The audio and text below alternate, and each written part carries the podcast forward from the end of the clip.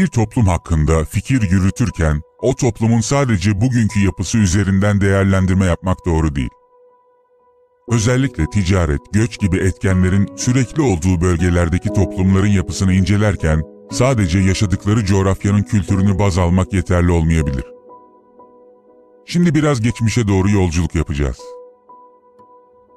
Bu konuyu çok seveceksiniz.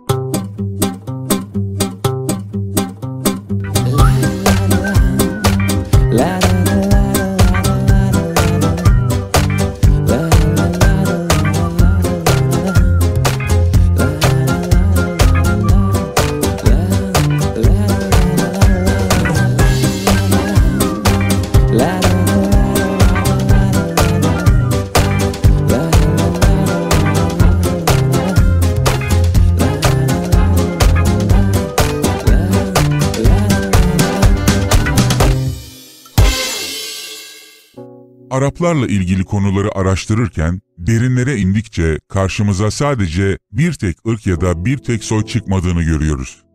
Ve şunu fark ediyoruz. Gerçek Araplar ve Araplaşan Araplar yani sonradan Arap olduğu söylenenler var. Kültürler arasındaki benzerlikler incelendiğinde bazen birbirinden farklı iki toplumun bile aynı sınıftan varsayıldığına şahit oluyoruz. Birbirine benzeyen veya çoğu zaman aynı kabul edilen toplumları belirli kriterler ele alınıp da birbirinden ayırmak istediğimizde ise karşımıza çok meşakkatli bir süreç çıkıyor. Biz şimdi bu ayrıştırma yöntemlerinden bir tanesi olan yemek kültürünü ele alacağız. Bir toplumun yemek kültürü o toplumu tanımak ve diğer toplumlardan farkını görmek için önemli bir yöntem. Zira her toplumun yemek kültürü gelenekseldir ve kendine hastır. Sürekli kendi bölgesindeki yiyecekleriyle beslenen bir toplumun damak tadı ile farklı bir bölgedeki toplumun damak tadı ve sofra kültürü aynı değil. Bu durum günümüzde yaşadığımız coğrafya içinde hatta bazen aynı mahalledeki farklı inanç ve kültürdeki insanlar için bile geçerli. İki farklı kültürdeki aileyi karşınıza alıp onların yiyeceklerine bakarsanız, kimin hangi bölgeden ve hangi inançtan olduğunu kestirmeniz pek güç olmaz ve bu kültür bir kimlik gibi bireyler ve aileler hakkında neredeyse birçok şeyi size anlatır. Yemek ya da sofra kültürü insanoğlunun doğadaki süreci içerisinde çeşitli ritüellerin sonucunda ortaya çıkan bir kültür ve bu gelenek kalıtsal bir şekilde nesilden nesile kendi özlerini korumak için yaşatıldı.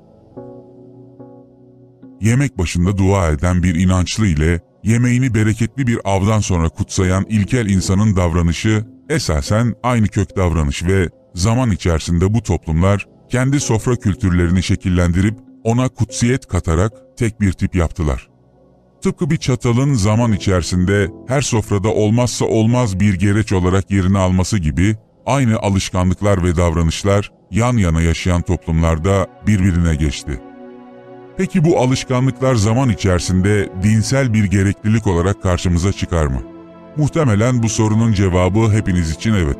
Ama gelin görün ki bu konuda çoğumuzun fazla fikri yok maalesef. Konuyu biraz daha anlaşılır olması için İslam öncesi Arap toplumundaki sofra kültürüne ve o toplumdaki insanların tükettikleri besin türlerine bakalım. Arabistan bölgesinde evler genelde iki bölümden oluşuyordu. Bu bölümlerden ilki kadınların olduğu ve yemek pişirilen, erzak konulan bölüm, diğer bölüm ise aile bireylerinin bir arada uyuduğu, yemek yedikleri, misafirlerini ağırladıkları bölümdü ve bu yapı aynı şekilde çadırlarda da hakimdi. Bu iki bölüm genelde bir perde ile ayrılırdı. Bunu Ahzab 53'teki bir şey istediğiniz zaman perde arkasından isteyin uyarısından anlayabiliyoruz. Bu arada çadır kültürü ve Arapların çadırla ilgili tüm bilgileri onlara Kuzey Asya'daki Türklerden geçmiştir. Siyer okuyanlar bilir, bahsi geçen Arap peygamberin bir gazve sırasında kullandığı çadırın adı Kubbe-i Türkiye'dir. Bu bilgi bize çadır kültürünün Araplara göçebe bir toplum olan Türklerden geçtiğini gösteriyor. Yine daha önceki videolarda da belirttiğim gibi çadır kapısının doğu tarafına bakması gibi alışkanlıklar da Araplara Türklerden geçmiştir. Daha sonraki yıllarda bu alışkanlık değişmiş olsa da eski zamanlarda çadır kapıları her zaman ama her zaman güneşin doğduğu yöne bakıyordu. Bu arada dikkat ettiyseniz ben Siyer'den bahsederken sürekli anlatılan Arap peygamber ya da bahsedilen peygamber biçiminde kurarım cümlelerimi. Cümlelerimde Mekke derken ya da Medine derken sizin şu anda bildiğiniz yerlerden bahsetmiyorum. Neyse o ayrıntılara daha sonra gireceğiz. Henüz bunlar için çok erken.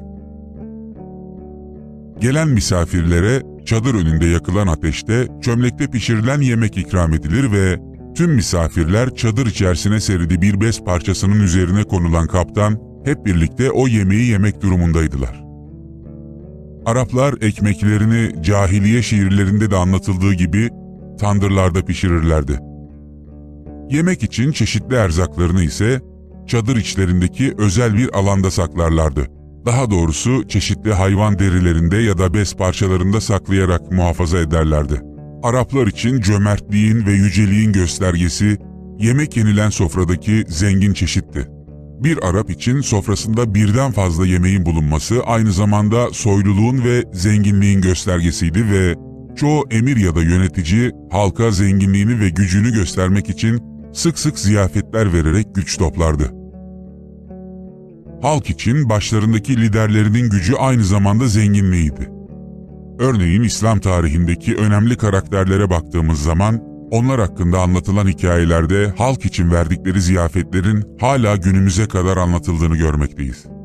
Misal, İslam filoloğu ve dil bilimci Halil bin Ahmet veya Abdullah bin Cüda gibi karakterlerin konaklarında halk için verdikleri ziyafetler gibi.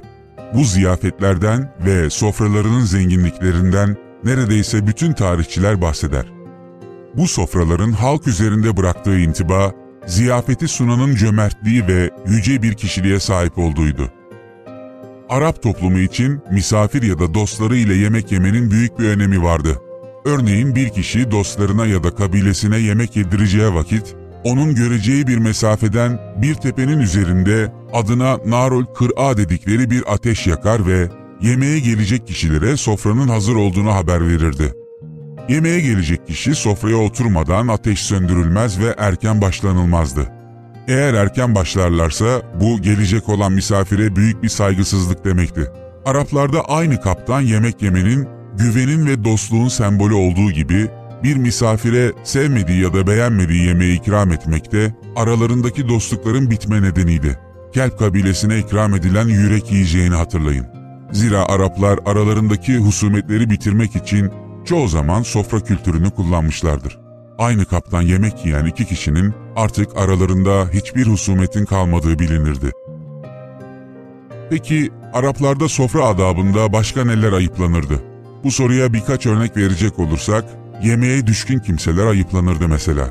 Sofrada bütün yemeği yiyenler, çok iştahlı yiyenler, yanında başka misafir alıp yemeğe gidenler, büyük lokma yiyenler, yemek verilirken gözüyle takip edenler gibi çeşitli sofra kuralları vardı ve bu kurallar neredeyse her toplumda hakim olan genel sofra kurallarıdır. Davet edildiği bir cemiyette herkesten çok yemek yiyen bir kimse o cemiyet tarafından ayıplanır ve bir daha yemeğe çağrılmazdı. Sofradaki en lüks yemek et yemeğiydi. Etler de yine ekmek gibi tandırda pişirilir ya da çadır önünde yakılan bir ateşte közlerin üzerine konulan taşlarda pişirilerek misafire verilirdi. Et ya da ekmek pişirilen ateş su ile söndürülmez, ya üzerine toprak atılır ya da kendi kendisine sönmesi beklenirdi. Yemek pişirilen ateşin kutsal olduğuna su dökerlerse cinlerin ateşlerini çalacaklarını düşünürlerdi. Arap toplumlarına baktığımız zaman onların sofralarında bulunan yemeklerden yola çıkarak hangi milletlerle dost olduklarını ve ticaret yaptıklarını söyleyebiliriz.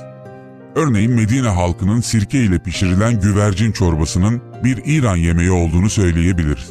Belki çok şaşıracaksınız ama Arapların en sevdiği yemek adına keler dedikleri kertenkele etiydi. Hatta o kadar severlerdi ki keler üzerine yazdıkları şiirleri bile vardır.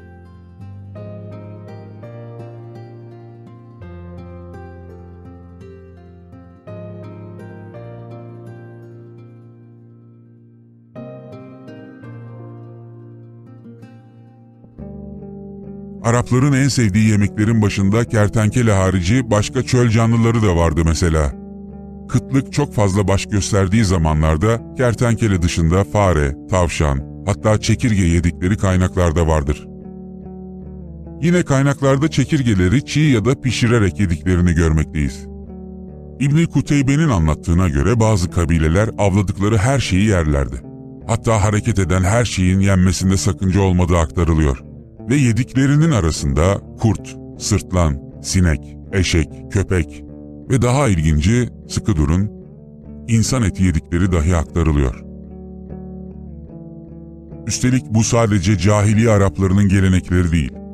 İnsan eti yemenin caiz olup olmadığı konusunda ehli sünnet dininin imamı denilen kişilerin fetvalarına da bakabilirsiniz.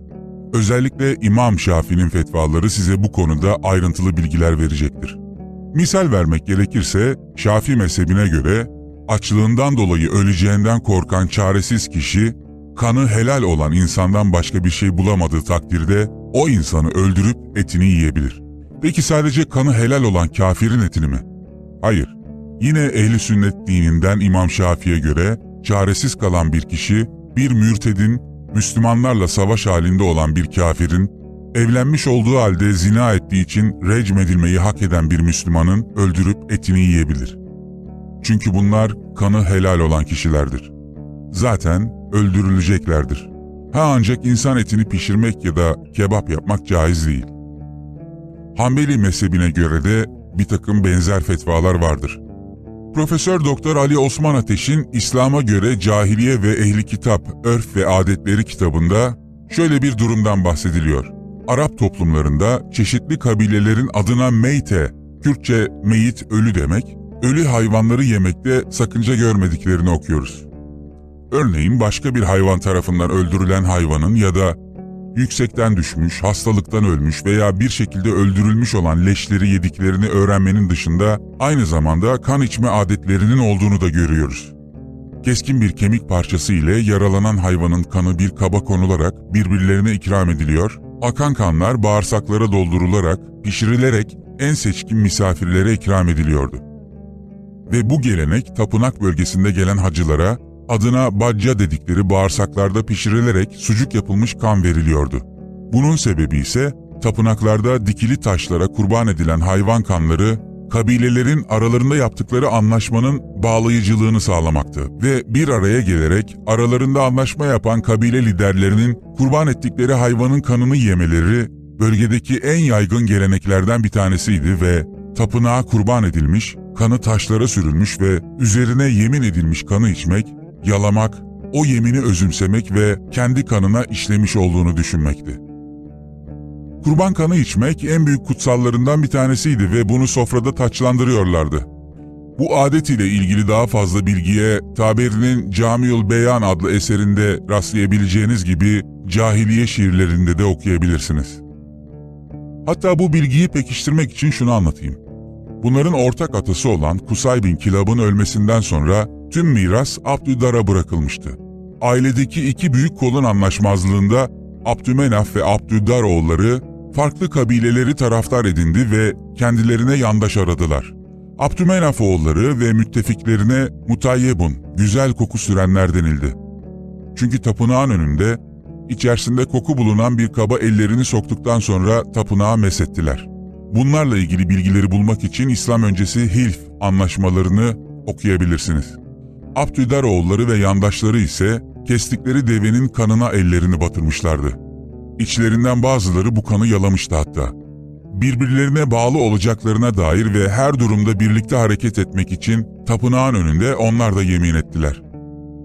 Bu hareketlerinden dolayı onlara ve yandaşlarına bölgede konulan isim Ahlaf, Yeminliler. Kurdukları ittifaka ise Hilful Ahlaf denildi. Ama bazı kimseler kan yaladıkları için onlara kan yalayıcılar ismini takmışlardı. Tabi yemek kültürü demişken içki kültürü üzerine iki kelime söylemeden geçmeyelim. Araplarda yemek kültürü ile birlikte içki kültürü de çok yaygındı ve neredeyse Arap coğrafyasının her yerinde içki tüketilmekteydi. Ve içkinin yüzlerce ismi vardı. Ama biz size aşina gelecek bir iki isim verelim. Aslında içki aynı olsa da içilen vakitlere veya içildiği yerlere ya da içilme amacına göre ismi değişirdi. İçkinin ana kaynağı Yemen bölgesiydi ve Sakif şaraplarının haricinde başlıca iki içkileri vardı. Bunlardan birincisi mizr, arpadan yapılan içki ve bit denilen bal ile yaptıkları içkiler.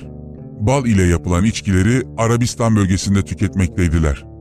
Ama en önemlisi buğdaydan yapılan ve Yemen bölgesinde gubeyra denilen içkiye Araplar şükrek ediyorlardı. Bunun da sebebi içkinin sabah ve akşam vakti, seher ve selam vakitlerinde ya da sahur ve selam vakitlerinde tüketilmesiydi. Şükreke yani şükür adının verilmesinin sebebi buğdaydan yapılması ve aynı zamanda kutsal vakitlerde içilmesiydi.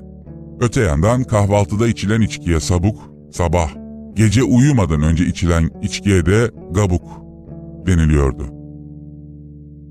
İçki konusu açılmışken Kureyş'in atası sayılan Kusay bin Kilab'ın Kabe'nin anahtarını bir başka kabile liderinden nasıl ele geçirdiğini daha önce duymuş muydunuz? Bir tulum şarap karşılığında.